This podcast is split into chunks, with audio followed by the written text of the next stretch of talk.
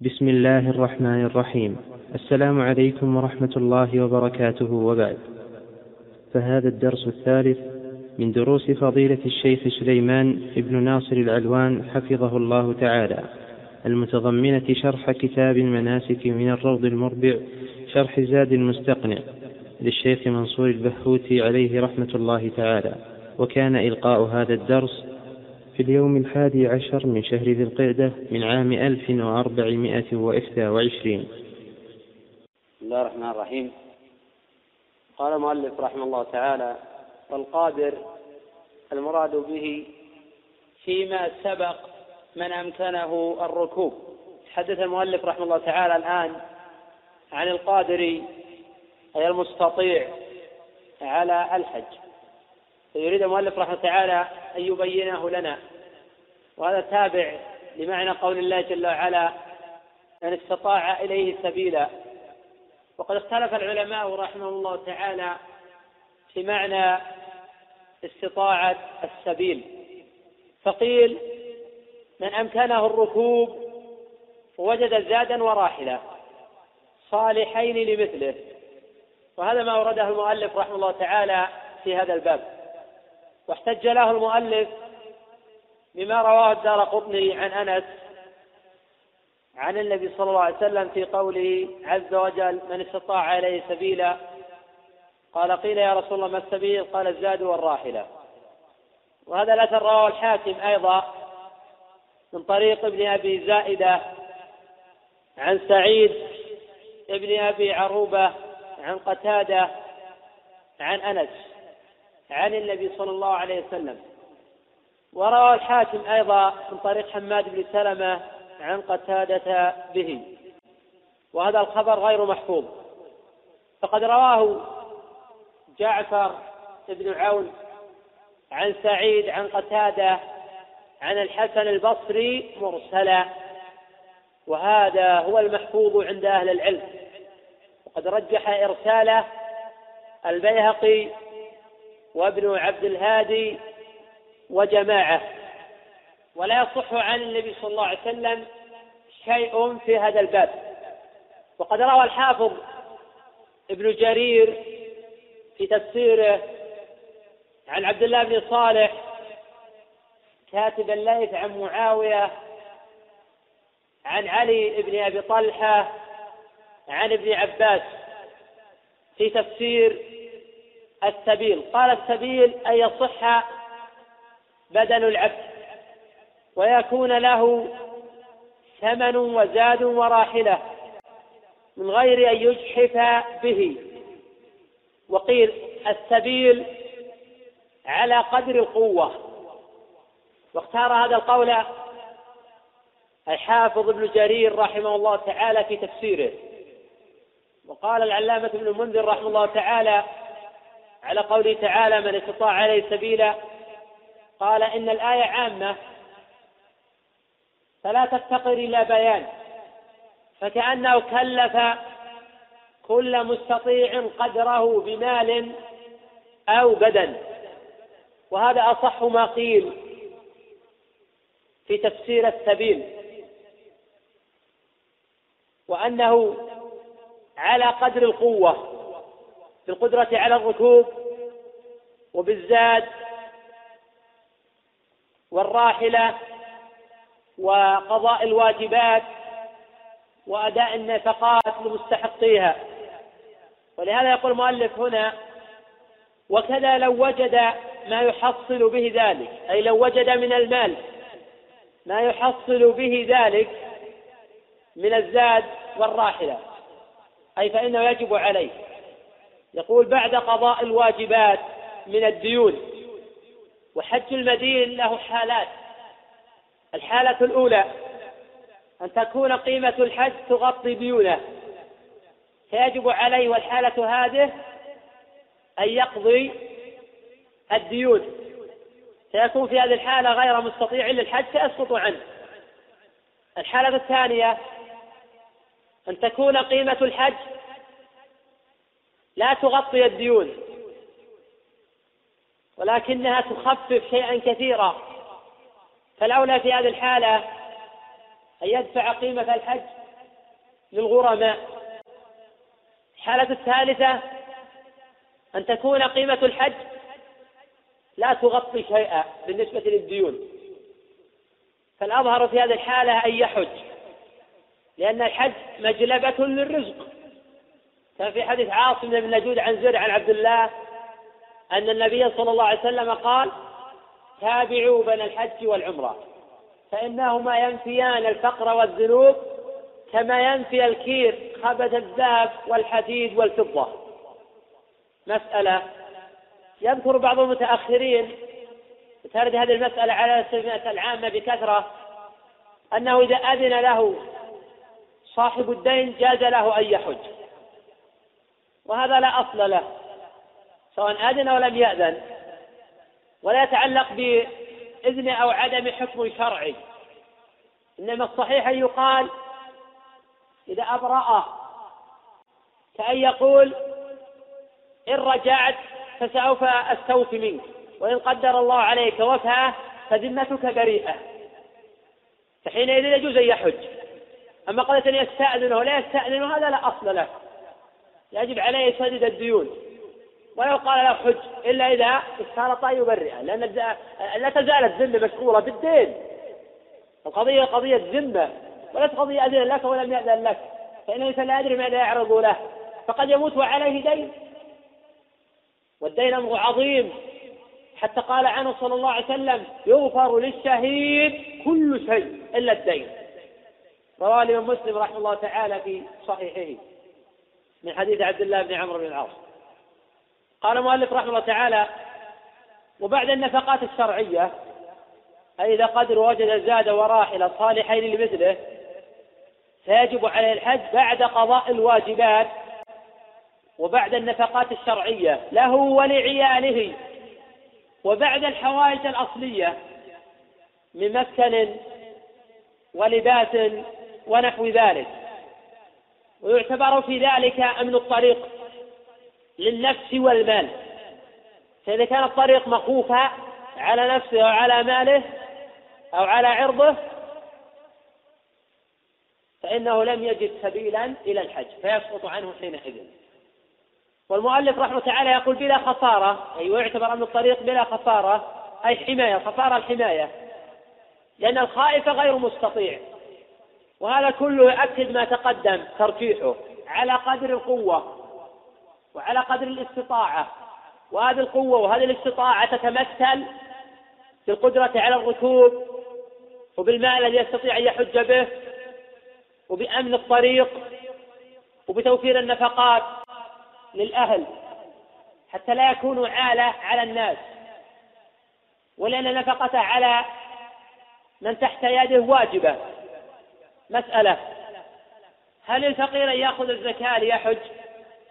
في ذلك خلاف. القول الأول له أن يأخذ الزكاة لأن الحج من سبيل الله. والله جل وعلا قال وفي سبيل الله. فله أن يأخذ الزكاة. ولأنه يأخذ الزكاة لما هو دون ذلك ولأنه ما لا يتم الواجب إلا به فهو واجب. القول الثاني لا يأخذ الزكاة لأن الله قد عفى عنه. القول الثاني لا يأخذ الزكاة لأن الله جل وعلا قد عفى عنه.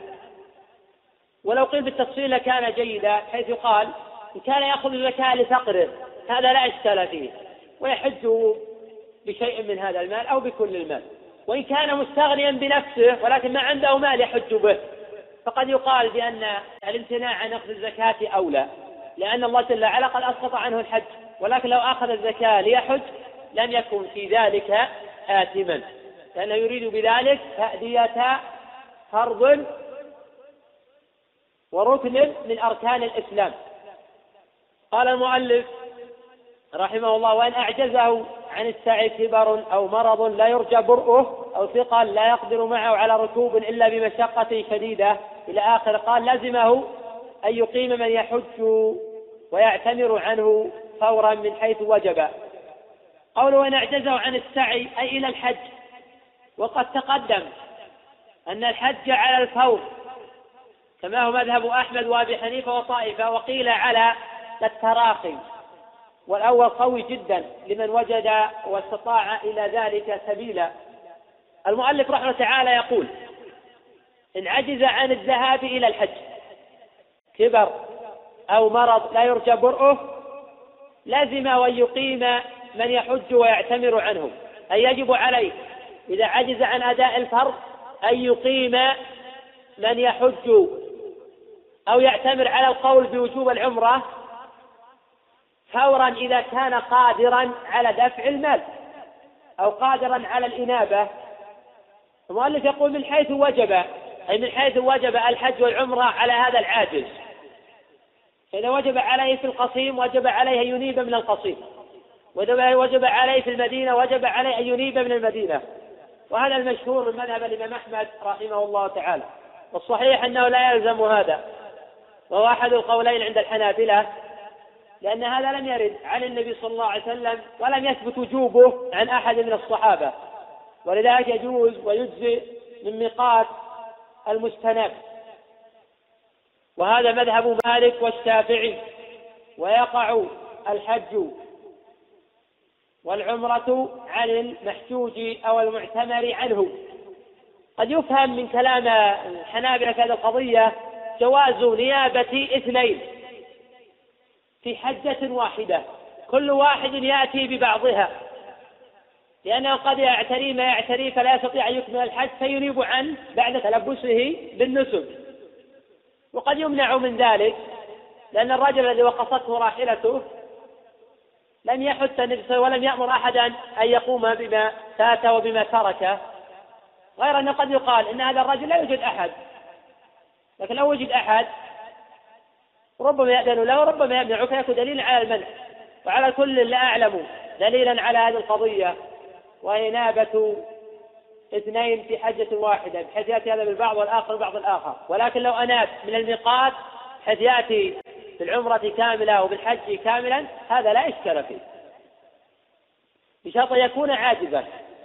مسألة إذا أناب القادر شخص يقدر على الحج ولكن أناب غيره في حجة الإسلام فالصحيح أنه لا يجزئ عنه ويقع الحج عن المستناب لا عن المستنيب لأن فعله واستنابته غير صحيحة ولأن القادر يجب عليه أداء النسك بنفسه. مسألة أخرى إذا كان قادرا وفرط في أداء الحج فهل يجب أن يحج عنه أم لا؟ في هذا الحالة تفصيل. إن ترك الحج انشغالا وكان الشغل مقبولا أو العذر مقبولا فيحج عنه من رأس ماله. وإن كان مفرطا فإن قلنا بأن تارك الحج يكفر فهذا لا إشكال فيه لا يجوز الحج عنه.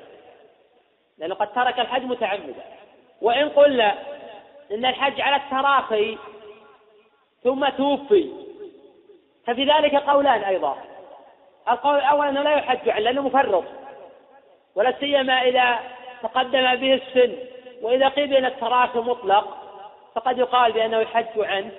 وفي هذا إشكال لأنه متعمد للترك ومفرط بدون أي عذر. فكيف يحج عنه وقد ترك ذلك متعمدا؟ فهو يدع متعمدا ونحن نحج عنه. ففي هذا إشكال كثير. والأظهر والعلم عند الله أن الرجل المتعمد لترك الحج المفرط بدون أي عذر أنه لا يحج عنه سواء قلنا بأنه كافر أو لم نقل بذلك. أورد المؤلف رحمه الله تعالى حديث ابن عباس في قصة الخثعمية كدليل على وجوب الحج على من لم يحج فرضه عجزا. وحديث الخثعمية متفق عليه من طريق ابن شهاب عن سليمان بن يسار عن ابن عباس أن امرأة من خثعم قالت يا رسول الله إن أبي أدركته فريضة الله في الحج شيخا كبيرا لا يستطيع أن يستوي على الراحلة أفأحج عنه؟ قال حج عنه. وهذا الحديث فيه فوائد. الأولى وهي الشاهد جواز الحج عمن لا يستطيع ذلك من الأحياء. وهذا في الفرض. وأما في النفل ففيه قولان لأهل العلم وهما روايتان في مذهب الإمام أحمد. الرواية الأولى أن للعاجز عن الحج أن ينيب عنه من يحج عنه نفلا أو يعتمر عنه نفلا. الرواية الثانية المنع وهذا أقوى. لأن الرخصة جاءت في الفرض حين العجز. وأما العاجز الذي يريد التنكل فيسخر هذا المال في غيره من الطاعات. ولأنه قادر على العمل فيستطيع أن يسبح ويهلل وإن قدر يصوم أن يصوم أو يصلي. أما كونه ينيب عنه من يحج عنه نفلا هذا لم يثبت. فيه دليل يمكن الاحتجاج به. الفائدة الثانية فيه سؤال المرأة للرجل وأن ذلك لا بأس به للحاجة حين تؤمن الفتنة. وهل صوت المرأة عورة؟ في ذلك قولان للعلماء. أصحهما أنه ليس بعورة ولكنه فتنة. وقد اتفق العلماء رحمهم الله على تحريم خضوع المرأة بالقول لغير المحارم. قال تعالى ولا تخضعن بالقول. فيطمع الذي في قلبه مرض. وقد يدخل في الخضوع في القول مماكسة المرأة للرجال في المحلات التجارية. فإن هذا يغري بها من في قلبه مرض. الفائدة الثالثة في جواز حج المرأة عن رجل. قد نقل بعض العلماء الإجماع على ذلك. الفائدة الرابعة استدل بهذا الحديث الكوفيون. على جواز الحج عن الغير قبل حج الفرض. على جواز الحج عن الغير قبل حج الفرض أي عن النفس. وجه ذلك أن النبي قال حج عنه ولم يقل حين تحجين فرضك ولكن الجمهور على خلاف هذا القول. وقالوا إن هذه المرأة سألت في الحج هي الآن متلبسة بالحج تحج عن نفسها فهي تسأل للمستقبل. وقول الجمهور أقوى. يتأيد أيضا بما سوف يأتي إن شاء الله تعالى من قول ابن عباس حج عن نفسك ثم حج عن شبرمه وقول الصاحب لا يعلم له مخالف. سيأتي إن شاء الله هذا الحديث الراجح وقفه. قال المؤلف رحمه الله تعالى ويجزى الحج والعمرة عنه أي عن المنوب. إذا أي حيث أعجزه عن السعي إلى الحج الأكبر. وإن عوفي يقول المؤلف بعد الإحرام قبل فراغ نائب من النسك أو بعده. يعلل يقول إنه قد أتى بما أمر به فخرج من العهدة. وقيل إن عوفي قبل فراغ النائب فإنه لا يجزئه عن حج الإسلام. واختار ذلك جامع من فقهاء الحنابلة. ويمكن تقسيم هذه المسألة إلى ثلاث صور. ويمكن تقسيم هذه المسألة إلى ثلاث صور. الصورة الأولى أن يبرأ المنوب عنه قبل أن يحرم النائب. نحن نتحدث الآن عمن عجز عن الحج أو عن العمرة عن فرض الحج أو عن فرض العمرة إذا قلنا بفرضيتها. ثم أناب عنه تقدم أنه يجب أن ينيب من يحج عنه. بشرط أن يكون المرض لا يرجى برؤه. أما إذا كان يرجى برؤه فلا, يجوز أن ينيب عنه. هذه المسألة فيها تفصيل لأهل العلم. إذا أناب من لا يرجى برؤه ثم برأ في ذلك نقول ثلاث صور. الصورة الأولى أن يبرأ المنوب عنه قبل أن يحرم النائب. هذه الصورة لا إشكال فيها أنه يجب على المنوب عنه أن يوقف النائب. فإن لم يعلم بذلك وأحرم النائب فلا تجزي هذا الحج عن حجة الإسلام. وهذه مسألة واضحة لا إشكال فيها. الحالة الثانية أن يبرأ المنوب عنه بعد فراغ النائب. فهذا يجزئه عن حج الإسلام. لأن المنوب عنه لم يفرغ إلا بعد لم يفرغ إلا بعد فراغ النائب. فحينئذ برئت ذمته. نظير ذلك على الصحيح. إذا لم يجد ماء فتيمم. فبعد الفراغ من الصلاة وجد ماء. هل يعيد الصلاة أم لا يعيد؟ في قولان لأهل العلم لكن الصحيح أنه لا يعيد. لأنه تيمم بدليل شرعي. فلا يعيد إلا بدليل شرعي. قد أدى المطلوب في وقت العذر. ولم ينتفي العذر إلا بعد الفراغ من المطلوب. الحالة الثالثة أن يبرأ المنوب عنه قبل فراغ النائب. قبل فراغ النائب. المؤلف رحمه الله تعالى يقول يخرج بذلك من العهدة وهذا صريح قوله قبل فراغ نائبه أو بعده. لأنه قد تلبس آه، النائب بما أمر به وخرج الآمر من العهدة. هذا القول الأول عند الحنابلة. القول الثاني أنه يعيد لأن المنوب عنه قد برأ قبل فراغ النائب. كما لو وجد الماء في أثناء الصلاة فإنه يجب عليه قطعها لقوله صلى الله عليه وسلم فليتق الله وليمسه بشرته. ومال إلى هذا القول شيخ الإسلام ابن تيمية رحمه الله تعالى. وهذا الذي يقتضيه القياس. هذا الذي يقتضيه القياس. يقول المؤلف رحمه الله تعالى من لم يحج عن نفسه لم يحج عن غيره. ومن لم يحج عن نفسه لم يحج عن غيره. وهذا مذهب الجمهور.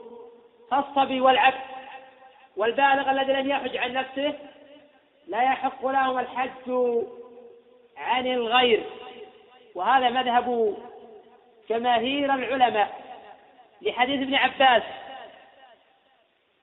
أن رسول الله صلى الله عليه وسلم سمع رجلا يقول لبيك عن شبرمة فقال الرسول صلى الله عليه وسلم من شبرمة قال قريب لي. قال هل حججت عن نفسك؟ قال لا. قال حج عن نفسك ثم حج عن شبرمة فظاهر هذا الحديث أنه لا يجوز الحج عن الغير قبل الحج الفرض عن النفس. وقد تقدم الإشارة إلى ذلك في حديث ابن عباس في قصة الخثعمية وحديث ابن عباس الذي احتج به الجمهور. رواه أبو داود بن ماجه وابن الجارود وابن خزيمة في صحيحه من طريق عبده بن سليمان. عن سعيد بن أبي عروبة عن قتادة عن عزرة عن سعيد بن جبير عن ابن عباس عن النبي صلى الله عليه وسلم. وصححه البيهقي وجماعة. وقد رواه غندر عن سعيد بن أبي عروبة موقوفا. ورجح ذلك الإمام أحمد والطحاوي. وقال الحافظ ابن المنذر رحمه الله تعالى لا يثبت رفعه. الصحيح وقف هذا الحديث ولكن ما دل عليه هذا الموقوف هو الصحيح لوجوه. الوجه الأول أنه قول الصحابي لم يثبت خلافه. وهذا الصحابي من علية الصحابة ومن فقهائهم. الأمر الثاني أنه الأصل. الأصل أن الإنسان يحج عن نفسه قبل أن يحج عن غيره. الوجه الثالث أن هذا الأمر لم يعهد في عهد الصحابة ولا عصر التابعين. أن يسقط المرء الفرض عن غيره وهو بعد لم يحج عن نفسه. الوجه الرابع أن الله جل وعلا قد خاطب هذا المكلف وأمره بأداء الفرض. فكيف يذهب يؤدي الفرض عن غيره والله خاطبه بنفسه؟ فقال تعالى ولله على الناس حج البيت من استطاع إليه سبيلا. فإذا كان مستطيعا لذلك فكونه يحج عن غيره ويدع الحج عن نفسه فهذا عاص لله وعاص للرسول صلى الله عليه وسلم. ولا سيما إذا قلنا بكفره. فالأمر الأمر يتأكد أن يحج عن نفسه قبل أن يحج عن غيره. وهذا يتأكد كما قلنا في قضية أن الحج على الفور. وأن تارك الحج متعمدا بدون عذر أنه كافر. كما هو قول طائف من العلم وقد تقدم أن هذا منسوب لعمر وابن عمر. وقول لابن عباس ومذهب سعيد بن جبير ورواية عن أحمد وقال بذلك طوائف من أهل العلم. قال المؤلف رحمه الله تعالى ويصح أن يستنيب قادر وغيره في نفل حج أو بعضه وهذا مذهب الإمام أحمد رحمه الله أن يصح للقادر وللعاجز أن يستنيب غيره أن يحج أو يعتمر عنه نفله. وقد تقدمت الإشارة إلى هذه المسألة. قالوا لأن كل عبادة جازت النيابة في فرضها فإن الإنابة تجوز في النفل كالصدقة. وفي هذا نظر وينتقض هذا القول بالصيام. وفي هذا نظر وينتقض هذا القول بالصيام. على خلاف أيضا بين أهل العلم. ولهذا القول الثاني في المسألة أن الإنابة لا تصح للقادر ولا لغيره في النفل. وهذا الصحيح لأن هذه عبادة فلا بد لها من دليل. إذا جاء الإذن في الفرض نقتصر على ما جاء النص به. ولا نعد ذلك إلى النفل. لأن الفرض له خصوصيات منها أن هذه الحجة فريضة الإسلام أتوجب الله على عباده. فلا بد من أدائها فحين أدرك أدرك الحج وكان عاجزا فإنه له أن ينيب عنه. الأمر الثاني أن هذا جاء النص به في قصة الخدعمية في حديث ابن عباس الصحيحين. الأمر الثالث أنه لم يثبت على أحد من الصحابة أنه كان ينيب من يحج عنه أو يعتمر عنه الأمر الرابع أن هذا احداث في الدين. في الصحيحين حديث عائشة أن النبي صلى الله من أحدث في أمرنا هذا ما ليس منه فهو رد. ولهذا ذهب الإمام أحمد رحمه, رحمه تعالى في إحدى روايتين إلى المنع من ذلك. وهذا مذهب الإمام الشافعي. فتلخص عندنا في المسألة قولان. القول الأول أنه يجوز للقادر والعاجز أن ينيب من يحج أو يعتمر عنه نفلا. وهذا مذهب أبي حنيفة ورواية عن أحمد. المذهب الثاني المنع وهو مذهب الشافعي والرواية الثانية عن أحمد. قال المؤلف رحمه الله تعالى ويشترط لوجوبه أي وجوب الحج والعمرة على المرأة وجود محرمها. واستدل المؤلف رحمه الله تعالى على ذلك في حديث ابن عباس أن النبي صلى الله عليه وسلم قال لا تسافر امرأة إلا مع محرم ولا يدخل عليها رجل إلا ومعها محرم. المؤلف عز الحديث لأحمد وقال إسناد صحيح. والحديث قد جاء في الصحيحين بمعناه من طريق سفيان بن عيينة قال حدثنا عمرو بن دينار عن أبي معبد قال سمعت ابن عباس قال سمعت النبي صلى الله عليه وسلم يخطب يقول لا يخلون رجل بامرأة إلا ومعها محرم ولا تسافر المرأة إلا مع ذي محرم فقال الرجل يا رسول الله إن امرأتي قد خرجت حاجة وإني اكتتبت في غزوة وكذا وكذا فقال وسلم حج مع امرأتك. وبهذا قال أكثر أهل العلم لأنه لا يجوز للمرأة أن تحج إلا مع ذي محرم سواء كان حجها فرضا أم نفلا. وسواء كانت المرأة شابة أو عجوزة وسواء كان السفر قصيرا أم طويلا. وذهب بعض أهل العلم إلى أن المرأة تحج فرضها مع النساء الثقات. إن المرأة تحج فرضها مع النساء الثقات. بل قال مالك والشافعي يلزمها الخروج للحج مع جماعة النساء. بل قال مالك الشافعي يلزمها الخروج للحج مع جماعة النساء. أي في فرض الحج. وعن الشافعي قول ثاني في المسألة أن المرأة تخرج ولو مع امرأة واحدة إذا كانت ثقة. وقالت طائفة أخرى تسافر المرأة وحدها إذا كان الطريق آمنا. وهذا ما ذكره ابن مفلح رحمه الله عن شيخ الإسلام ابن تيمية. ولكن الموجود في الفتاوى أن المرأة لا تسافر للحج إلا مع رفقاء أو مع ذي محرم. فظاهر هذا أن شيخ الإسلام يجوز سفر المرأة بدون محرم إذا كانت مع رفقاء ثقات أي نساء ثقات. ودليل هذا القول ما جاء في صحيح البخاري معلقة ما جاء في صحيح البخاري معلقة أن عمر رضي الله عنه أذن لأزواج النبي صلى الله عليه وسلم في آخر حجة حجها. فبعث معهن عثمان بن عفان وعبد الرحمن بن عوف.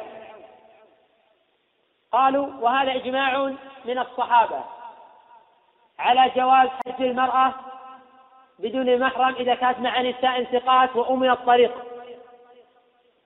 ويمكن يجاب عن هذا فيقال إن لفظ النبي صلى الله عليه وسلم صريح في المسألة. لا تسافر المرأة إلا مع ذي محرم. وهذا هذا الحديث متفق عليه. فخرج قوله مخرج العموم. وقد جاءت عدة روايات في السفر. فقد جاء في رواية أبي هريرة في مسلم لا يحل لامرأة تؤمن بالله واليوم الآخر أن تسافر سفرا يكون ثلاثة أيام فصاعدا وجاء في مسلم أيضا من حديث أبي هريرة مسيرة ليلة. وجاء أيضا في الصحيحين من حديث أبي هريرة مسيرة يوم وليلة. وفي البخاري من حديث سعيد مسيرة يومين. فحين اختلفت هذه الروايات الدالة على التقييد وجب الأخذ بالمطلق ولا سيما أن حديث ابن عباس لم يختلف فيه. زيادة على هذا أن النبي صلى الله عليه وسلم قاله في حجة أو في آخر حياته. ويحتمل أنه قال في السنة التاسعة التي حج فيها أبو بكر وعلي وجماعة. فالأخذ بالمطلق الروايات التي هي صريحة في الباب أولى من الأخذ بالتقييد الذي ليس صريحا. أيضا لو فرضنا الأخذ بالتقييد فإن الحج يتجاوز ثلاثة أيام. فإن الحج يتجاوز ثلاثة أيام يمكن يوجد حج أقل من ثلاثة أيام. فكيف تسافر المرأة هذه المسافة التي تتجاوز خمسة أيام ستة أيام أو سبعة أيام؟ وروايات كلها لم يرد أكثر من ثلاثة أيام. إنما جاءت ثلاثة وجاءت يومان. وجاء فيها يوم وليلة وجاء مسيرة يوم وسيرة ليلة. ويجاب أيضا عن فعل نساء النبي صلى الله عليه وسلم أن هذا اجتهاد منهن. ويمكن يجاب أيضا فيقال أن معظم زوجات النبي صلى الله عليه وسلم كان لهن محارم ولا سيما حفصة ومجموعة إلا أن هذا يمكن الاعتراض عليه بصفية. فيجاب يقال إن نساء النبي صلى الله عليه وسلم محرمات على التأبيد. فلا يمكن يطمع فيهن أحد أو يتشرفن للرجال. فكان أمرهن أخف من غيرهن. ولا سيما أنهن حججن مع عبد الرحمن بن عوف ومع عثمان ومع أكابر الصحابة وهم يحافظون عليهن أعظم من حفاظهم على بناتهم زيادة على هذا أن أزواج النبي صلى الله عليه وسلم أمهات للمؤمنين. هذه الأشياء قد تكون مبررا لفعلهم. بخلاف غيرهم مع كثرة الفساد والانحراف في المجتمع والفتن والتعرض للمغريات ولا سيما مع وجود النص الصريح. لا تسافر المرأة إلا مع ذي محرم. وما ينبغي العلم به. طبعا هذه مسألة كما سمعت من المسائل الخلافية الاجتهادية. ولكن مما ينبغي التنبه له أن من قال برخصة سفر المرأة مع الرفقة في الحج أو في العمرة لا يرخص في ذلك في كل الأحوال ولا يرخص في كل سفر. فالرخصة من هؤلاء الأئمة قد خرجت مقيدة في حالات. ويرخص في سفر المرأة بدون محرم في حالات متفق عليها. ويرخص في سفر المرأة بدون محرم في حالات متفق عليها. الحالة الأولى الكافرة تسلم في دار الحرب. تجد تسافر وحدها لبلاد المسلمين. الحالة الثانية الأسيرة تخلصت من الكفار. فلا أن تسافر وحدها. الحالة الثالثة المرأة انقطعت من الرفقة فلن تصاحب غيرها إذا كان مأمونا أو أن تسير وحدها. ثم شرع المؤلف رحمه تعالى يتكلم عن المحرم في السفر من هو؟ فقال زوجها ومن تحرم عليه على التأبيد بالنسب كالأخ المسلم المكلف. وهذا قول الأئمة الأربعة وغيرهم. وقد منع أكثر أهل العلم أن يكون الكافر محرما للمسلمة لأنه لا يؤمن على ذلك. وقال بعض العلماء إذا كانت العلة أنه لا يؤمن فالمسلم يلحق به. إذا كان مسلم لا يؤمن شره فلا يكون محرما لأخته. ومن المحارم من كان من كانت تحرم عليه بسبب مباح كالأخ من الرضاع. وهذا قول الأئمة الأربعة. وفي قول لأحد العلماء أن الأخ من الرضاع لا يسافر بها لأن الفتنة غير مأمونة به. وإن كانت لا تحتجب عنه إلا أنه لا يسافر بها لعدم أمن الفتنة. ثم خرج مؤلف على قوله من تحرم عليه بسبب فهي إذا كان السبب محرما كأم المزن بها وبنتها وكذا أم الموطوءة بشبهة وبنتها والملاعن ليس محرما للملاعنة لأن تحريمها عليه أبدا عقوبة وتغليظ عليه لا لحرمتها.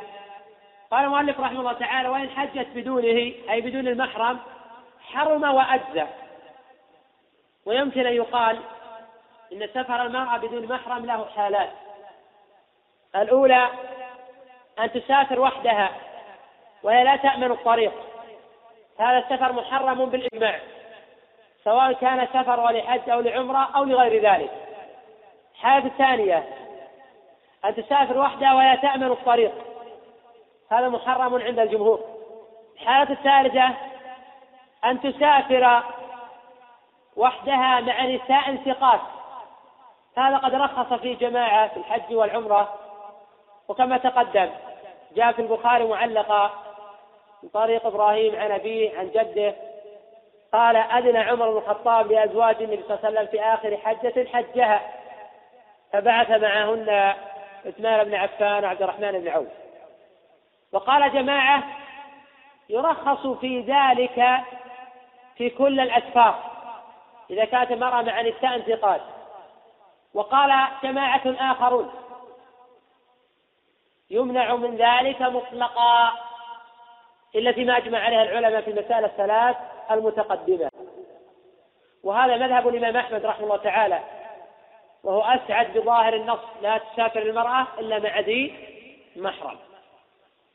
ولكن لو حجت المرأة بدون محرم أجزى حجها عن حجة الإسلام. أجزى حجها عن حجة الإسلام. وهل يجب على زوجها أن يحج معها أم لا؟ في ذلك قولان لأهل العلم.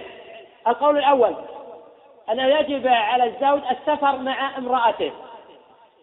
إذا لم يكن لها غيره. وهذا قول الإمام أحمد رحمه الله تعالى في إحدى الروايتين عنه. واستدل بقول النبي صلى الله عليه وسلم للرجل الذي قال إني أريد أن أخرج في جيش كذا وكذا وامرأتي خرجت حاجة فقال حج معها وفي رواية أخرج معها. وقال الإمام ابن حزم رحمه الله تعالى في المحلى وأما المرأة التي لا زوج لها ولا ذا محرم يحج معها فإنها تحج ولا شيء عليها. فإن كان لها زوج ففرض هذا الشاذ إن كان زوج ففرض عليه أن يحج معها. فإن لم يفعل فهو عاص لله تعالى.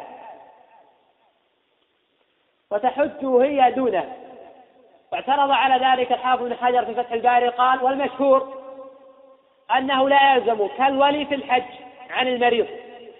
فلهذا لو امتنع الزوج إلا بأجرة لزمها لأنه من سبيلها فصار في حقها كالمؤنة. والقول بأنه لا يلزم الزوج قول قوي. ولكن ليس للزوج أن يمنعها عن حج فرضها باتفاق أهل العلم. ولكن ليس للزوج أن يمنعها عن حج فرضها باتفاق أهل العلم. فعندنا الآن حالات. الحالة الأولى أن تحج المرأة بدون إذن زوجها في الفرض. هذا لا شيء عليه بشرط يوجد محرما ولا إثم عليها. الحالة الثانية أن تحج بدون إذن زوجها وبدون محرم. فحجها صحيح وهي آثمة لعدم وجود المحرم لا لعدم إذن الزوج. الحالة الثالثة أن تحج أو تعتمر نفلا بدون إذن زوجها وبدون محرم فهي آثمة من وجهين. لعصيانه للزوج بحجها بدون المحرم. الحالة الرابعة أن تحج أو تعتمر برضا زوجها ولكن بدون محرم فهي تأثم لعدم وجود المحرم. الحالة الخامسة العكس. أي عكس هذه المسألة الرابعة. قال المؤلف رحمه الله تعالى وإن مات من لزماه أي الحج والعمرة أخرج من تركته. أي إن مات من لزماه أي الحج والعمرة إذا كان قد عزم على فعلهما. أما إذا كان مفرطا ففي ذلك نظر كما تقدم. قال المؤلف ويحج النائب من حيث وجب على الميت. وهذا لا يلزم. بل يحج النائب من ميقاته. وقد استدل المؤلف رحمه الله تعالى بدليل الحج عن الغير لما جاء في صحيح البخاري من طريق أبي عوانة عن أبي بشر عن سعيد بن جبير عن ابن عباس أن امرأة قالت يا رسول الله إن أمي نذرت أن تحج فلم تحج حتى ماتت. أفأحج عنها؟ قال نعم حج عنها. أرأيت لو كان على أمك دين؟ أكنت قاضية أقض الله فالله أحق بالوفاء. وفي هذا الحديث فوائد. الفائدة الأولى جواز الحج عن الميت. وفي هذه المسألة خلاف. والصحيح من الخلاف أن الفرض جائز هذا لا إشكال فيه. وأن النفل يصح تبرعا بخلاف الحي تقدم أنه لا يصح على الراجح. فهناك فروق بين الأحياء وبين الأموات. هذا الثانية التقرب أو التقريب للأفهام بضرب الأمثال والقياس. فإن النبي صلى الله عليه وسلم أراد يقرب إلى الأفهام. فقال أرأيت لو كان على أمك إذا كنت قاضية؟ تأخذ الله فالله حقه أن يقضى. ففيها التقريب للأفهام بضرب الأمثال والقياس حين الحديث وحين الشرح حين التقرير ونحو ذلك. هذا الثالثة أن من مات وعليه حج واجب وجب على وليه أن يجهز من يحج عنه من رأس المال لأن النبي صلى الله عليه وسلم شبهه بالدين. وقد اتفق العلماء على أن دين الآدمي من رأس المال أي يجب سداده من رأس المال. قد اتفق العلماء على أن دين الآدمي من رأس المال. فإذا توفي المرء وعليه حج واجب فيحدد عنه من رأس ماله لأن الإنسان شبهه بالدين. والدين يؤخذ من رأس المال اتفاقا. لكن لو قدر أن شخصا قال أريد أن أتبرع عنه نقول لا مانع من ذلك. ولهذا يقول المؤلف ويسقط بحج أجنبي عنه. لا الحي بلا إذنه. وهذا واضح تفريق بينهما واضح. لا يسقط الحج عن الحي الحج عن الحي بحج غيره بلا إذنه. الفائدة الرابعة في قوله صلى الله عليه وسلم فالله حق بالوفاء. دليل على من ثبت في ذمته شيء واجب فهو مقدم على دين الآدمي. حكم الله فالله حق بالوفاء. نقف على هذا والله أعلم. الدرس القادم إن شاء الله باب المواقيت. نعم. هل يجوز شيخ لقسم مسألة الإنسان لو حج عن غيره قبل أن يحج عن نفسه قطع على مسألة الزكاة. يجوز فيها التوكل أن يخرج زكاة غيره قبل أن يخرج زكاته؟ هذا قول المجوزين. قالوا كالصدقة كما تقدم. الذين يقولون بأنه يجوز الحج عن غير قد يحج عن نفسه قالوا كالصدقة. الفرض. نعم. بالنسبة حج الفرض يعني. إذا نوى نعم قال يجوز. يعني يجوز أن أزكي عن غيري حتى يقول الآخر سوف أخرج زكاة زكاة مالك الواجبة عنك إذا أذن قال لا بأس بذلك. قالوا هذا بمنزلة الحج. إذا أدى ذلك قبل نفسه. ولكن هناك فرق بين الحج وبين الزكاة الواجبة. الزكاة متعلقة بالمال. وهذا متعلق بالنفس. والزكاة لا يفوت وقتها. الزكاة لا يفوت وقتها. فيخرج عن الغير لا يفوت وقتها. يخرج عن نفسه ولا يفوت وقتها. بخلاف الحج يفوت وقته لابد من العام القادم ولا أدري ماذا يعرض لي. فقد يموت الشخص وقد يصيبه كبر أو مرض لا يرجى برؤه فيحتاج فيما بعد إلى يوكل غيره. والله جل وعلا خاطب العبد بنفسه ولله على الناس في الجنود من استطاع إليه سبيل بعد يبقى تفسير المحرم من هو؟ هذا باب آخر. من هو المحرم؟ ما صفاته؟ صحيح هو هو القادر على حماية المرأة. دون النظر إلى سنه أن بعض الفقهاء يحدد ذلك بالسن. وهذا غير صحيح لأنه قد يوجد ابن عشرين ولا يفهم ولا يعقل بمنزلة المجنون.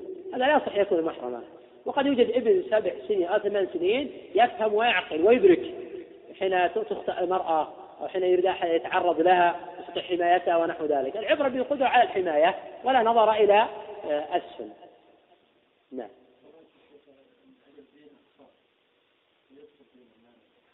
تقدم حتى الذي عليه دين أقساط يعني. قد يكون الدين حال لأنه قد يكون غير حال. لكن غير حال فلا بأس أن يحج. لكن الدين غير حال فلا بأس آه، أن يحج لأن الحج مجلبة للرزق ولأن الدين لم يحل وليس هناك من يطالبه إذا كان الدين حالا فعلى التفصيل السابق لا قلت أصلا لا لا لا حاجة أصلا لاستئذان صاحب الدين. وليس القضية هي قضية أنه أذن ولم يأذن. القضية أن الذمة مشغولة بمال.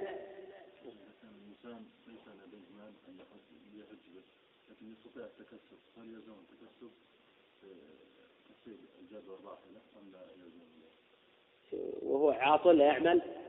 اي نعم. الرجل الذي واجب عليه الحج وليس عنده مال ولا يعمل يجب عليه العمل للقاعدة الأصولية. ما لا يتم الواجب إلا به فهو واجب. إذا ما يتم واجب واداء الحج إلا بالعمل. إذا العمل عليه واجب لا نقول مستحبا. فنقول يجب عليه العمل. يتحصل على آه، الزاد وعلى القدرة على الركوب سواء بدفع الأجرة أو بشراء راحلة أو بغير ذلك.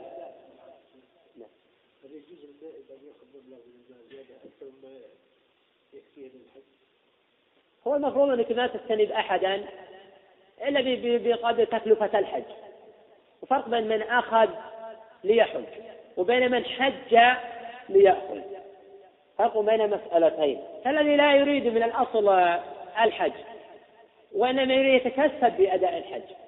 هذا أرى أن الإنسان ما يعطيه لأنه هذا ما أراد الله ولا الدار أراد الدار الآخرة. وهذا يتكسب من الغير بمبالغ كثيرة. وأي حج بمثل هذا؟ وأنا أريد الأجر والثواب والذي أنبته عني ليس أهلا لذلك ليس تقيا. وهذه بداية أمره فمثل غير مأمون فيما بعد أيضا. ولكن إذا أردت أن أنيب أحدا ووافق وقلت تكلفة الحج ثم وافق ثم زدت من عندي فهذا أمر طيب وهذا جيد. نعم. الحي ولا ميت؟ الحي إذا ظهر المنع من ذلك أن الإنسان لا ينيب غيره إذا كان حيا في حج النفل أو في عمرة النفل. نعم الميت الراجح جوازه. لأن قد انقطعت أعماله فحينئذ إما يكون موصيا أو غير ذلك أو أريد أن أهدي الثواب له. نعم وإن قد حج الفريضة هذا النفل حديث الآن نفل كيف يقول قد حج الفريضة بالنسبة للنذر يا شيخ إذا كان هذا الحق الأدمي إذا كان متعلق بحق حقوق الله سبحانه وتعالى نعم. إذا كان عليه نذر أو هل يروح برضه قدم إنه يتعارض إذا نذر ان يحج هذه السنة وعليه حج واجب فرض. إنه يقدم الفرض على النذر في قول إذا كان الحج على التراخي يقدم النذر على الحج وفي قول إنه يجزي عنهما جميعا. ولكن يظهر لي والعلم عند الله أنه يقدم الفرض. ثم في العام اللي بعده يحج النذر الذي وجب في ذمته نعم.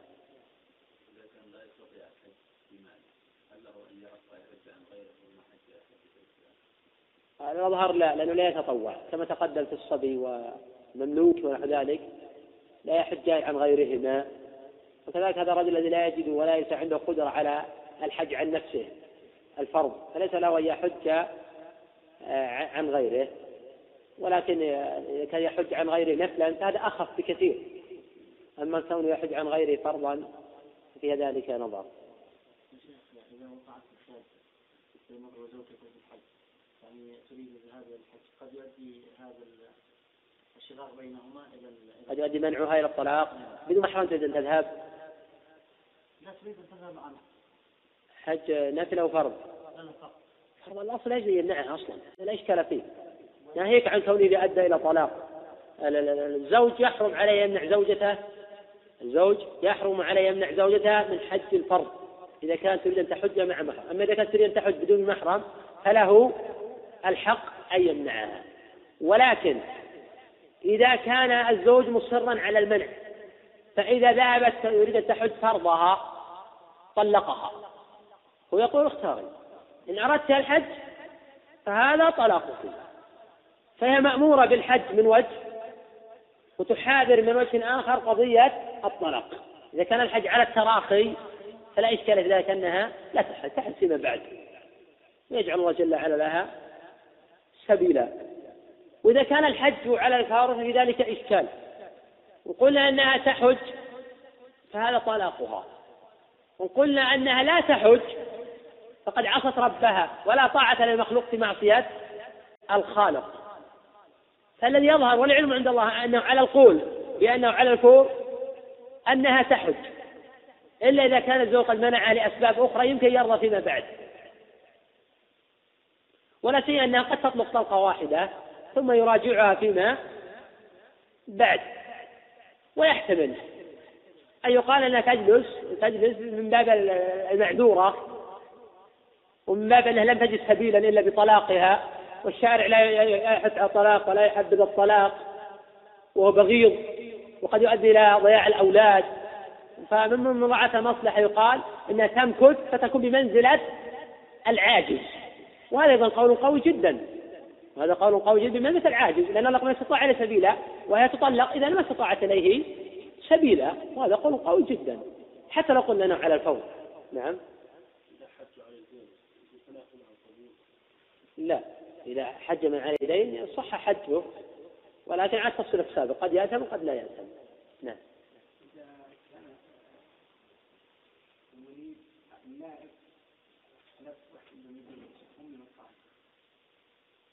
تقدم إنه يجوز مطلقا. نعم حتى في مكة. وهذا إحدى الروايتين عن أحمد وهو الصحيح. وهذا يختار جمع أهل العلم وقد تقدمت الإشارة إليه. أنه لا يشتر من بلد المنيب من أي مكان آه، سواء كان ذاك الآخر في الرياض أو في المدينة أو حتى كان في مكة. في أصح قولي العلماء. وطبعا المسألة خلفية تقدم إشارة إليها. بسم الله الرحمن الرحيم. السلام عليكم ورحمة الله وبركاته. وبعد. فهذا الدرس الرابع من دروس فضيلة الشيخ سليمان بن ناصر العلوان حفظه الله تعالى. المتضمنة شرح كتاب المناسك من الروض المربع شرح زاد المستقنع للشيخ منصور البحوثي عليه رحمة الله تعالى. وكان إلقاء هذا الدرس في اليوم الثاني عشر من شهر ذي من عام ألف وأربعمائة وإحدى وعشرين. بسم الله الرحمن الرحيم. قال المؤلف رحمه الله تعالى المواقيت. المواقيت جمع ميقات. المواعيد جمع ميعاد. والمواقيت نوعان زمانية ومكانية. قد تحدث المؤلف رحمه الله تعالى عن هذين النوعين. الميقات في اللغة هو الحد. فالتوقيت هو التحديث. وفي الاصطلاح قال عنه المؤلف موضع العبادة وزمنها.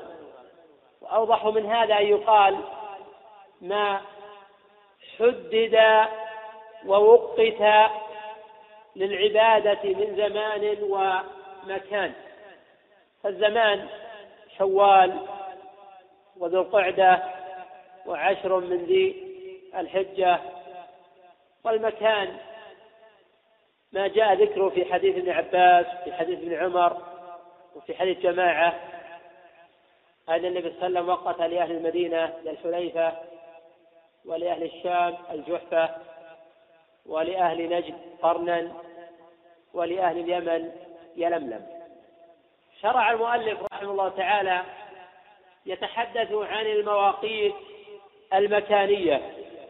فقال وميقات أهل المدينة ذو الحليفة. الحليفة بضم الحاء وفتح اللام. بينها وبين المدينة حدود أحد عشر كيلو متر تقريبا وهي أبعد المواقيت عن مكة. بينها وبين مكة على تقدير السابقين عشرة أيام. وفي زماننا هذا لا تتجاوز المدة خمس ساعات للسرعة المتوسطة. فإن المسافة تبلغ نحوا من أربعمائة وأربعين كيلو مترا. وهذا ميقات أهل المدينة يحرمون منه. وليس لأهل المدينة أن يحرموا من الجحفة. لأن النبي صلى الله عليه وسلم حد لأهل المدينة ذا الحليفة. فليس لهم مجاوزته ولا تخطيه ما داموا قاصدين وناوين للحج أو العمرة. الميقات الثاني ميقات أهل الشام ومصر والمغرب ومن كان على سمتهم. الجحفة بضم الجيم وسكون الحاء المهملة والجحفة بقرب رابغ والناس اليوم يحرمون من رابغ. المؤلف يقول هنا بينه وبين مكة ثلاث مراحل وفي هذا نظر الصحيح ست مراحل أو خمس. ويمكن قطع المسافة في عصرنا هذا بثلاث ساعات.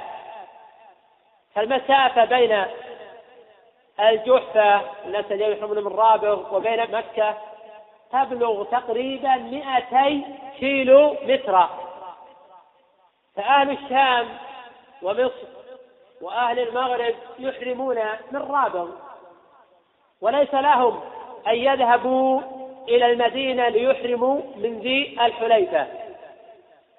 كما هو قول أكثر أهل العلم. حتى حكاه النووي رحمه الله تعالى إجماعا. فإن من مر بالجحفة يحرم منها ولا يتجاوزها إلى غيرها.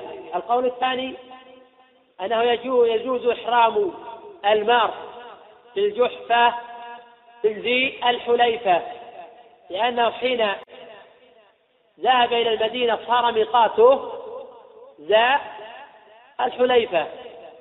وهذا مذهب المالكية والحنفية. واختاره ابن المنذر رحمه الله. وهو ظاهر كلام شيخ الإسلام وغيره من المحققين. ولكن هل لمن مر بالمدينة أن يذهب إلى قرن أو أن يذهب إلى يلملم؟ الأئمة الأربعة يمنعون من ذلك. أخذا بظاهر حديث ابن عباس في الصحيحين. ولمن مر عليهم. فما دام قاصدا للحج أو للعمرة فلا يجوز لا تخطي الميقات الذي مر به إلى غيره. ويحتمل قياسا الجواز. لأن إذا جاز عند أبي حنيفة ومالك إحرام من مر بالجحفة من ذي الحليفة.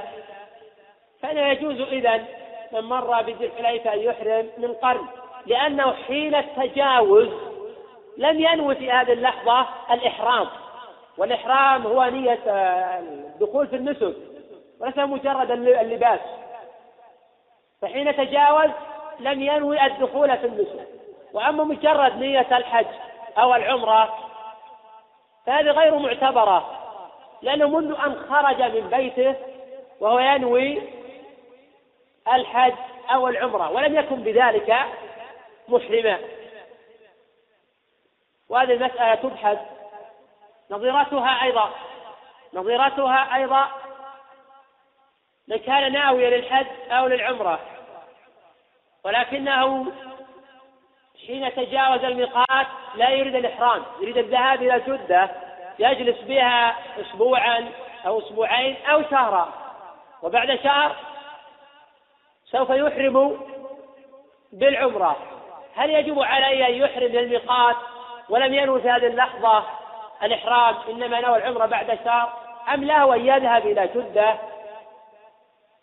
فإذا نوى فيما بعد أحرم من مكانه أو أنه يفصل بين الباعث على السفر. إذا كان الباعث على السفر هو أداء العمرة فيحرم من الميقات. إذا كان الباعث على السفر هو الذهاب إلى جدة والنية تابعة لذلك أو كان الباعث على السفر النوعين أو الأمرين فإنه يحرم من جدة. تبحث هذه المسألة أيضا. ممكن تستظهر في هاتين الصورتين الجواز مطلقا وإن كان القائل بذلك نادرا والتي هي مسألة ثانية. لم تبحث في عصر أئمة السلف ولم يتحدثوا عنها. ولا سيما إذا أراد يجلس في جدة شهرا ولا يريد العمرة إلا بعد الشهر. هل نلزمه أن يبقى على إحرامه في جدة؟ أم أنه يأخذ العمرة ويذهب فيما بعد إلى جدة؟ إذا قال أنا لا أريد العمرة الآن أريدها بعد شهر. فالتفصيل السابق لعله أوضح شيء. إذا كان الباعث على السفر هو العمرة والحج فيجب عليه أن يحرم من الميقات لأنه قد قصد الحج أو العمرة والباعث والذي حرك وهيج للسفر هو الحج أو العمرة. أما إذا كان قاصدا لشدة ولكن العمرة مقصودة أيضا لكنها غير مقصودة لذاتها تبع لغيرها. الأظهر والعلم عند الله أنه لا بأس أن يذهب إلى جدة فإذا أراد فيما بعد أن يعتمر أن يحرم من جدة. الميقات الثالث ميقات أهل اليمن يلملم وهو في طريق الساحل ويسمى في العصور المتأخرة سعدية وهو جنوب مكة وهو أقرب من الجحفة إلى مكة وأبعد من قرن المنازل. المؤلف رحمه الله تعالى يقول بينه وبين مكة ليلتان. فأهل اليمن ومن مر بهم أو كان على سمت يقيمون من هذا الميقات. الميقات الرابع ميقات أهل نجد والطائف ومن مر بهم. قرن المنازل. قرن المنازل بفتح القاف وسكون الراء. وقد أطلق عليه بعض أهل العلم قرن الثعالب. ورد هذا فإن قرن الثعالب جبل مطل على عرفات. وليس هو بقرن المنازل. وقال آخرون بأنه هو قرن المنازل. وقرن المنازل هو أقرب المواقيت إلى مكة. ويبلغ في عصرنا هذا نحوا من تسعين كيلو مترا. وقد ينقص قليلا أو يزيد. وميقات أهل المشرق أي العراق وخراسان ونحوهما ذات عرق. هذا الميقات الخامس. ولم يثبت عن النبي صلى الله عليه وسلم أنه حد ذات عرق. الصحيح أن الذي حدها هو أمير المؤمنين عمر رضي الله عنه. وأجمع عليه الناس في عصره وفي من جاء بعده. وقد جاء في صحيح البخاري من طريق عبيد الله بن عمر العمري. عن نافع عن ابن عمر. قال لما فتح هذان المصران. أي البصرة والكوفة. أتوا عمر فقالوا يا أمير المؤمنين إن رسول الله صلى الله عليه وسلم حد لأهل نجد قرنا وهو جور عن طريقنا وإنا إذا أردنا قرنا شق علينا. قال فانظروا حذوها من طريقكم فحد لهم ذات عرق. وذهب جماعة من فقهاء الحنفية والشافعية والحنابلة إلى أن ميقات ذات عرق منصوص عليه احتجوا على ذلك بما رواه مسلم في صحيحه من طريق أبي الزبير المكي أنه سمع جابر بن عبد الله يسأل عن المهل قال سمعت أحسبه رفع ذلك إلى النبي صلى الله عليه وسلم. فذكر المواقيت. وهذا ظاهر أنه لم يجزم بنسبة ذلك إلى رسول الله صلى الله عليه وسلم. وكذلك احتجوا بحديث عائشة أن رسول الله صلى الله عليه وسلم وقت لأهل العراق ذات عرق. وهذا الخبر طعن فيها الإمام أحمد رحمه الله تعالى وضعفه بتفرد أفلح بن حميد. وقال ابن خزيمة رويت في ذات عرق أخبار لا يثبت منها شيء عند أهل الحديث. وبنحو هذا قال الإمام ابن المنذر رحمهم الله تعالى. وهذا الأقرب أن ذات عرق إنما حدها عمر بن الخطاب رضي الله عنه. ولم يثبت عن رسول الله صلى الله عليه وسلم شيء في ذلك. ويبدو من الأثر السابق أن هذا الأمر كان معلوما بين الصحابة والتابعين. فحين أتى أهل العراق يسألون أمير المؤمنين يحد لهم هذا واضح أنه لم يكن معروفا بينهم أن النبي صلى الله عليه وسلم حد لهم ميقاتا زيادة على هذا أن أمير المؤمنين قرهم على هذا. وأمرهم يأخذوا حذوها من طريقهم. فحد لهم ذات عرق فلم يقل أحد من الصحابة قد حد لهم رسول الله صلى الله عليه وسلم ذلك. وذات عرق يقع شمال شرق مكة. بينه وبين مكة نحو مرحلتين فهو أبعد من قرن. يقول المؤلف رحمه الله تعالى وهي أي هذه المواقيت لأهلها المذكورين. وهذه المواقيت كلها كما تقدم ثابتة بالإجماع وقد قال بعضهم عرق العراق يلملم اليمني وبذي الحليفة يحرم المدني والشام جحفة إن مررت بها ولأهل نجد قرن فاستبني. فهذه المواقيت لأهلها المذكورين ولمن مر عليها من غيرهم أي من غير أهلها ممن يريد حجا أو عمرة لأن الذي لا يريد حجا ولا عمرة لا يلزمه الإحرام في أصح قولي العلماء. وسوف أشير إن شاء الله تعالى إلى الخلاف في هذه المسألة. قال المؤلف ومن منزله دون هذه المواقيت يحرم منه لحج وعمرة. أي يحرم من موضعه. فكل من كان منزله دون هذه المواقيت فإنه يحرم من مكانه ولا يتكلف فيذهب إلى المواقيت ليحرم منها. وليس هذا أيضا من الاحتياط في شيء. لأن بعض العامة يريد الاحتياط في هذه القضية فيذهب إلى المواقيت ليحرم منها. وهذا لا وجه له لأن النبي صلى الله عليه وسلم بين من كان دون هذه المواقيت فمن حيث أنشأ فلا وجه للابتداع في الدين وليس كل احتياط مطلوبا. فبعض أنواع الاحتياط ابتداع وخروج عن السنة كهذا الاحتياط. قال المؤلف رحمه الله تعالى ومن حج من أهل مكة فإنه يحرم منها أي يحرم من مكة. وتأمل في قول المؤلف ومن حج من أهل مكة خرج بذلك المعتمر. فإنه لا يحرم من مكة. إنما يخرج إلى أدنى الحل كما حكى ذلك المحب الطبري إجماعا. وسوف يشير المؤلف رحمه تعالى إلى هذه المسألة. المقصود أن أهل مكة في الحج يحرمون من مكة ولا يخرجون إلى أدنى الحل يحرموا بل لا أصل لهذا من حيث الدليل.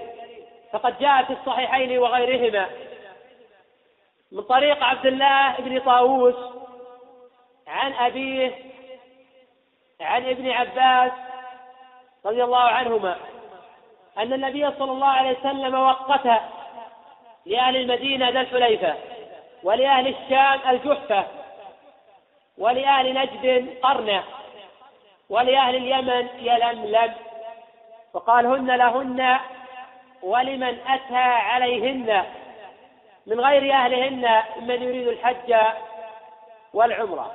ومن كان دون ذلك فمهله من حيث أو من أهله.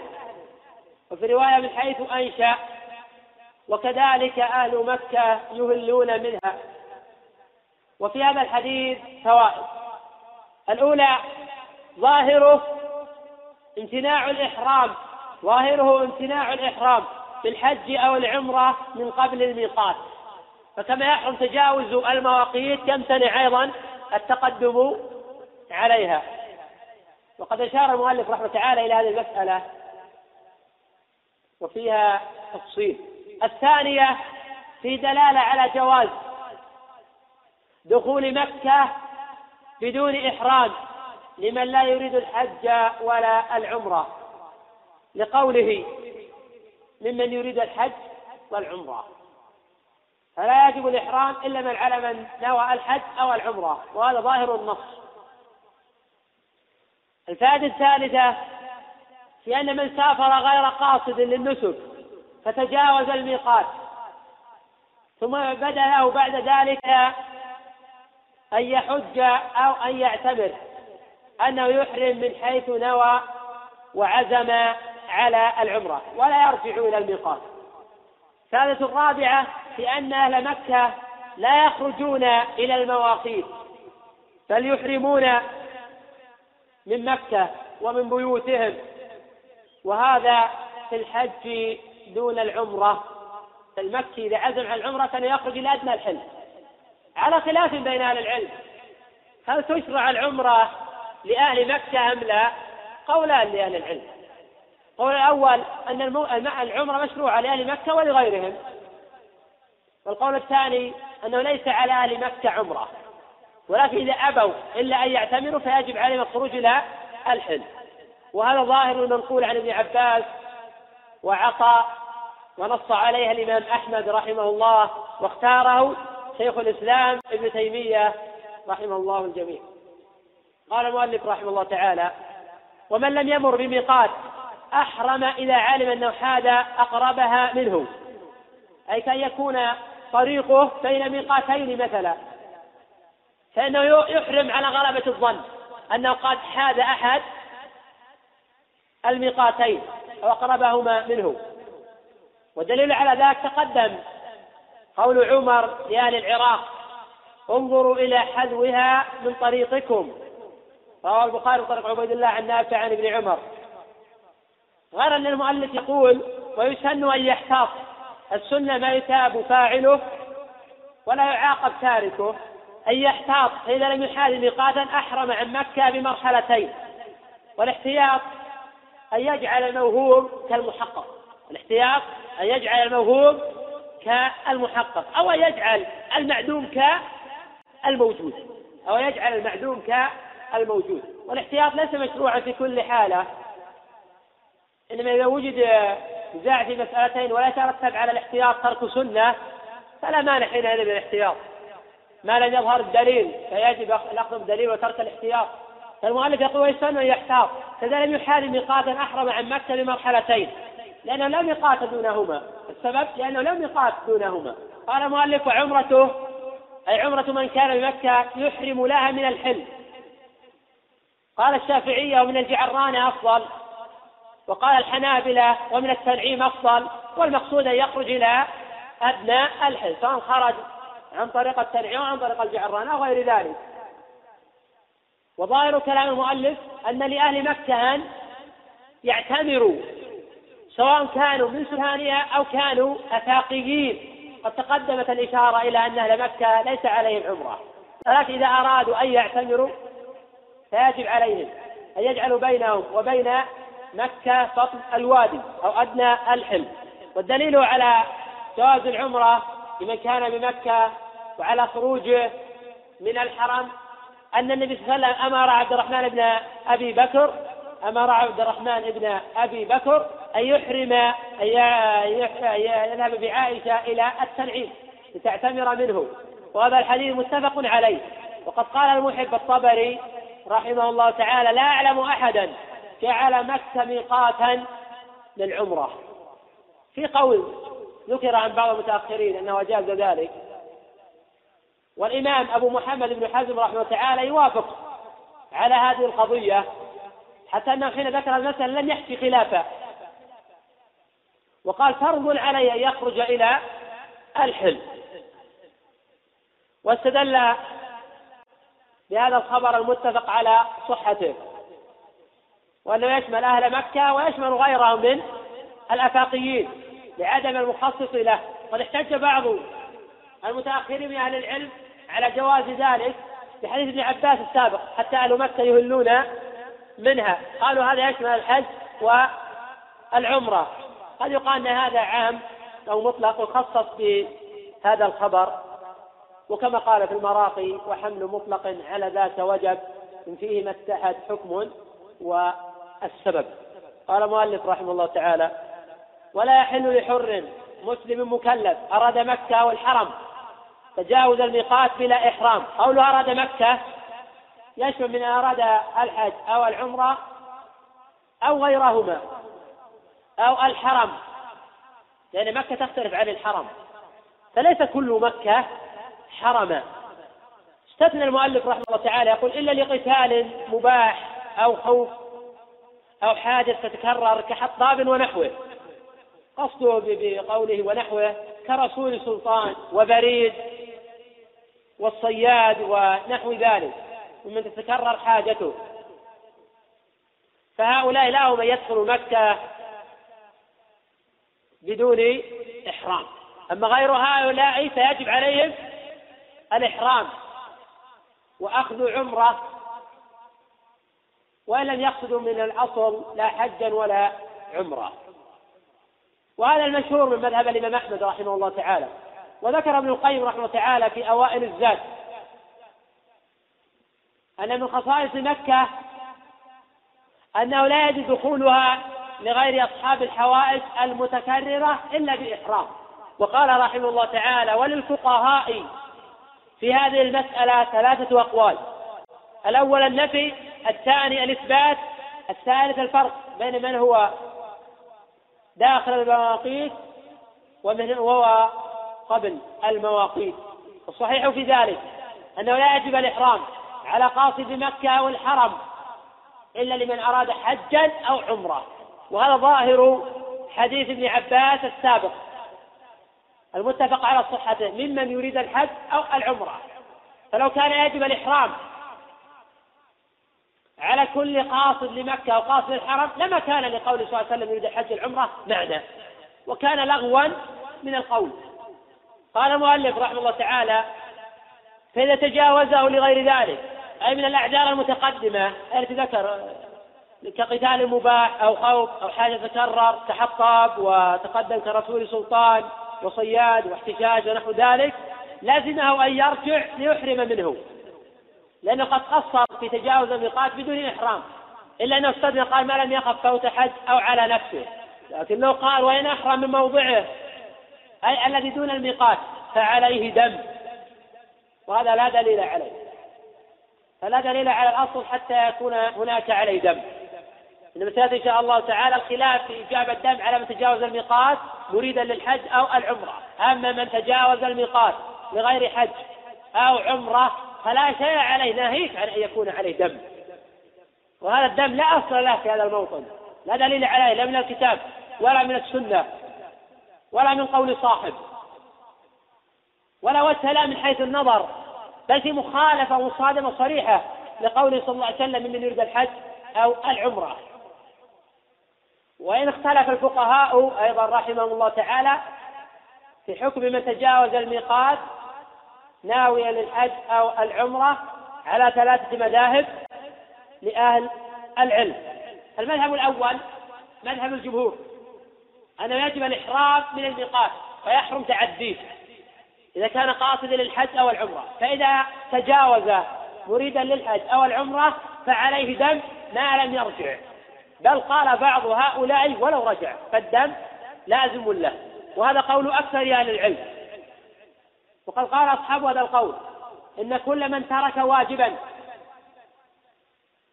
فيجب عليه الدم.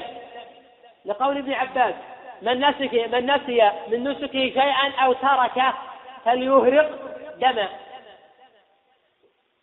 رواه مالك في الموطأ عن أيوب عن سعيد بن جبير عن ابن عباس. وذهب عطاء والنخعي وجماعة إلى أنه لا شيء على من تجاوز الميقات مريدا للنسك. ومقابل هذا القول قول سعيد بن جبير لا يصح حجه ولا تصح عمرته. وهذا مذهب أبي محمد بن حزم. فمجاوزة الميقات لحج أو عمرة فيها ثلاث مذاهب. المذهب الأول الوجوب وجوب الإحرام للميقات. وتحريم المجاوزة ومن جاوز فعليه دم هذا رأي الجمهور. المذهب الثاني أنه لا شيء على من تجاوز الميقات لا إثم ولا دم. وهذا مذهب النخعي وعطاء. المذهب الثالث أن من تجاوز الميقات مريدا للحج أو العمرة فلم يحرم الميقات فحج باطل وعمرة باطلة. وهذا مذهب سعيد بن جبير وأبي محمد بن حزم. في قول الرابع أنه يأتم بالمجاوزة للنصوص الصريحة في هذا. ولكن ندم عليه. وهذا اختيار الشوكاني وجماعة من المتأخرين لأنه لم يثبت عن النبي صلى الله عليه وسلم لزوم الدم. وقول ابن عباس السابق لا يمكن الأخذ بظاهره لأنه قال حتى من نسي والله جل وعلا يقول ربنا لا تؤاخذنا إن نسينا أو أخطأنا. قال المؤلف رحمه الله تعالى وكره إحرام قبل ميقات. وبحج قبل أشهره وينعقد. ذكر المؤلف رحمه الله تعالى مسألتين. المسألة الأولى يقول وكره إحرام قبل ميقات. وهذا مذهب الإمام مالك. وعن الشافعي قولان أحدهما الأفضل أن يحرم من دويرة أهله. وهذا مروي عن علي بن أبي طالب وجماعة من الصحابة. الثاني عن الشافعية الأفضل الإحرام من الميقات. لأنه هو فعله صل... لأنه هو فعل النبي صلى الله عليه وسلم. فلم يكن يحرم من المدينة بل كان يحرم من ذي الحليفة. خير الهدي هدي رسول الله صلى الله عليه وسلم. وقال الأحناف الأفضل تقديم الإحرام على الميقات إذا كان يملك نفسه في إحرامه. ويمكن عزو هذا القول إلى الجمهور. بل نقل بعض أهل العلم الإجماع على صحة إحرام من أحرم قبل الميقات. بل قال بعضهم ولا يحرم بالإجماع. ولكن ذكر الإمام أبو محمد ابن حزم رحمه الله تعالى في المحلى قال فإن أحرم قبل شيء من هذه المواقيت وهي يمر عليها فلا إحرام له ولا حج له. ولا عمرة له. إلا أن ينوي إذا صار في الميقات تجديد الإحرام. فذلك جائز وإحرامه حينئذ تام وحجه تام وعمرته تامة ولا أعلم أحدا من أهل العلم وافق أبا محمد على ذلك. ولكن السنة أن يحرم من هذه المواقيت التي حددها رسول الله صلى الله عليه وسلم. فكما يحرم تخطيها وتجاوزها ينبغي ألا يحرم قبلها. الجمهور قالوا إن التحديد لتحريم التجاوز لا الإحرام قبل ذلك ولذا نقل عن جماعة من الصحابة الإحرام قبل هذه المواقيت لكن لم ينقل عن صحابي قط أنه أحرم بعد هذه المواقيت فعلم أن الصحابة يفرقون بين المسألتين. بينما الإمام أبو محمد رحمه الله تعالى لم يفرق بين من أحرم قبل المواقيت وبين من أحرم بعد المواقيت فالكل حجه باطل. وفي هذا نظر. المسألة الثانية قال وبحج قبل أشهره وينعقد. أي ويكره أن يحرم بالحج قبل أشهر الحج ولكن ينعقد إحرامه. كما لو أحرم بأشهر الحج برمضان. ينعقد مع الكراهية. وهذا مذهب مالك وأبي حنيفة وقول الشافعية والأصح. مذهب الشافعية أنه إذا أحرم بالحج في غير أشهره لم ينعقد حجا وينعقد عمرة مجزئة عن عمرة الإسلام. وفي البخاري معلقا مجزوما بصحته عن ابن عباس قال من السنة الا يحرم بالحج إلا في أشهر الحج. وذكر الحافظ ابن حجر رحمه الله تعالى في فتح الباري قال قال ابن عمر وابن عباس وجابر وغيرهم من الصحابة والتابعين هو شرط هو شرط فلا يصح الإحرام بالحج إلا في أشهره. وقد أجمع العلماء على أن أشهر الحج هي شوال وذو القعدة وشهر ذي الحجة على خلاف في تحديد أيام ذي الحجة. أشار المؤلف رحمه الله تعالى إلى أشهر الحج فقال وأشهر الحج شوال وذو القعدة وعشر من ذي الحجة منها يوم النحر ويوم الحج الأكبر. قوله وأشهر الحج شوال. جمعه شوالات. وشواويل وشواول. سمي بذلك لإشهالة الإبل بأذنابها إذا حملت. وقيل سمي لتشويل لبن الإبل. وتوليه وإدباره. ويبتدي يوم شوال من العلم بدخوله. والليل يتبع النهار الذي بعده. فليلة العيد هي أول ليلة من ليالي شوال قوله وذو القعدة بفتح القاف وكسرها والفتح أشهر. سمي بذلك لأنهم يقعدون فيه عن القتال. قوله وعشر من ذي الحجة بفتح الكاف وكسرها والكسر أشهر. يقول المؤلف رحمه الله تعالى وعشر من ذي الحجة منها يوم النحر. من عشر ذي الحجة يوم النحر وهو يوم الحج الأكبر في أصح أقاويل أهل العلم. ونصره ابن القيم رحمه الله تعالى في تهذيب السنن وقال القرآن قد صرح بأن الأذان يوم الحج الأكبر ولا خلاف أن النداء بذلك إنما وقع يوم النحر بمنى. قال فهذا دليل قاطع على أن يوم الحج الأكبر هو يوم النحر. ويؤيد هذا ما رواه البخاري في صحيحه معلقا عن هشام بن الغاز. قال أخبرني نافع عن ابن عمر رضي الله عنه قال وقف النبي صلى الله عليه وسلم يوم النحر بين الجمرات في الحجة التي حج وقال هذا يوم الحج الأكبر. فطفق النبي صلى الله عليه وسلم يقول اللهم اشهد وودع الناس فقالوا هذه حجة الوداع. وقد وصله أبو داود وابن ماجه وغيرهما. وذهب جماعة من العلماء إلى أن يوم الحج الأكبر هو يوم عرفة. وقيل هي أيام الحج كلها. فعبر عن الأيام باليوم كما يقال يوم الجمل ويوم صفين. وهذا منسوب للثوري. الصحيح أن يوم الحج الأكبر هو يوم النحر. وبهذا يكون قد انتهى باب المواقيت. ونقف على باب الإحرام. والله أعلم. نعم. ردع الناس ليس بتشريع أحكام لا يدعي على دليل لا من الكتاب ولا من السنة والذي لا يردع الإثم والوعيد في من ترك واجبا أو فعل محظورا لا يمكن يرتدع بمجرد الدم فإن الغني لا يهمه الدم. قد يرتدع الفقير ولكن الغني من يرضعه إذا ما ارتدع الناس بما جاء في الكتاب وفي السنة من الوعيد فلا أظن يرتدعون بمجرد الدماء وقد يرتدع يرتدع نسبة قليلة من الناس. الله جل وعلا في القرآن دائما يخوف, يخوف الناس باليوم الآخر. ألا يظن أولئك أنهم مبعوثون ليوم عظيم؟ تأمل في أدلة القرآن. تأمل فيما ذكر الله جل وعلا عن الأقوام السابقة حين عارضوا الأنبياء والمرسلين. نجد أن الله جل وعلا يخوفهم باليوم الآخر. فما كان يخوفهم؟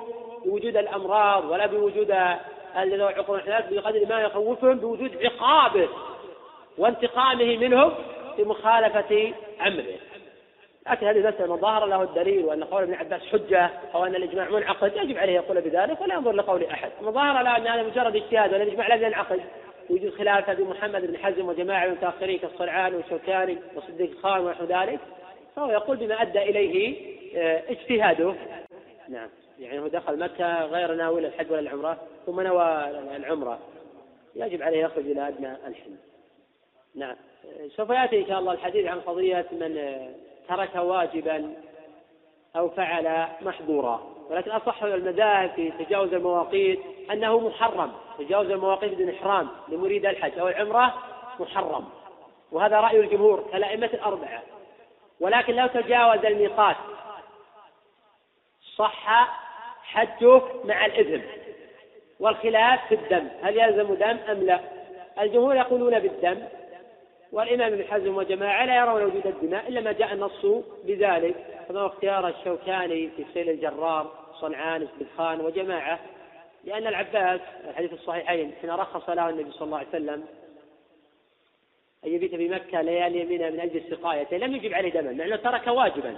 الحديث الصحيحين إن قال قائل إنه معذور. نقول لكعب بن عجرة حين كان معذورا وحلق رأسه أوجب عليه النبي صلى الله عليه وسلم الفدية. فدية من صيام أو صدقة أو نسك. والعباس لم يجب عليه فدية.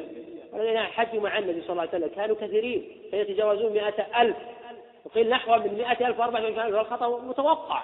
ولهذا يقول صلى الله عليه وسلم عند عروة بن مبرس عند الخمسة بسند صحيح من شهد صلاتنا هذه وقد وقف قبل ذلك بعرفة من ليلة ونهار فقد تم حجه وقضى تفت ولم يكن وسلم دمه. كذلك الأثر اللي رواه سعيد منصور بسند قوي. صحح شيخ الإسلام ابن تيمية الرجل الذي لم يأتي إلى آه، آه، مزدلفة ولم يقف بعرفات حتى صلى عمر الفجر. وقال لها تقف في عرفات وأتي إلينا. كان يقول يا عمر؟ أجاء الرجل أجاء الرجل أجاء الرجل. فلما قيل أتى دفع. ولم يجب عليه عمر دما. وإن كان هذا الأثر أيضا في إشكال آخر. لأن بعض العلماء نقل الاتفاق على أنه إذا طلع الفجر الثاني ولم يقم في عرفات أنه قد فاته الحج. هذا ربما ينقض الاتفاق بعد النظر في إسناده لأنه روى سعيد بن منصور والسنن سعيد بن منصور في كتاب الحج الآن غير موجود. حتى ينظر في إسناده يتأكد من صحته أكثر وإن قد صححه شيخ الإسلام رحمه الله في كتاب العمدة واحتج به على هذه القضية. وقال عمر لم يجب عليه آه، دما والأمثلة على ذلك والأدلة على ذلك كثيرة ومثل هذا ينبغي تتوافر الهمم والدواعي على بيانه.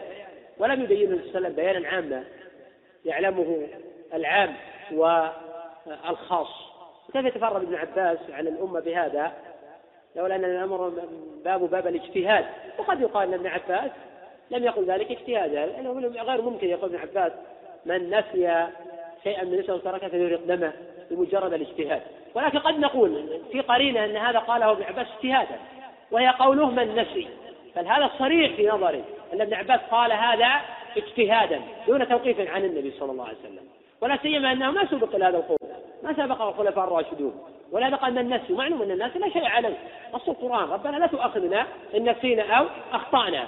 وهذا عام في ترك الواجبات وفعل المحظورات. النبي صلى الله عليه وسلم يقول من لم يجد الإزار فليلبس السراويل.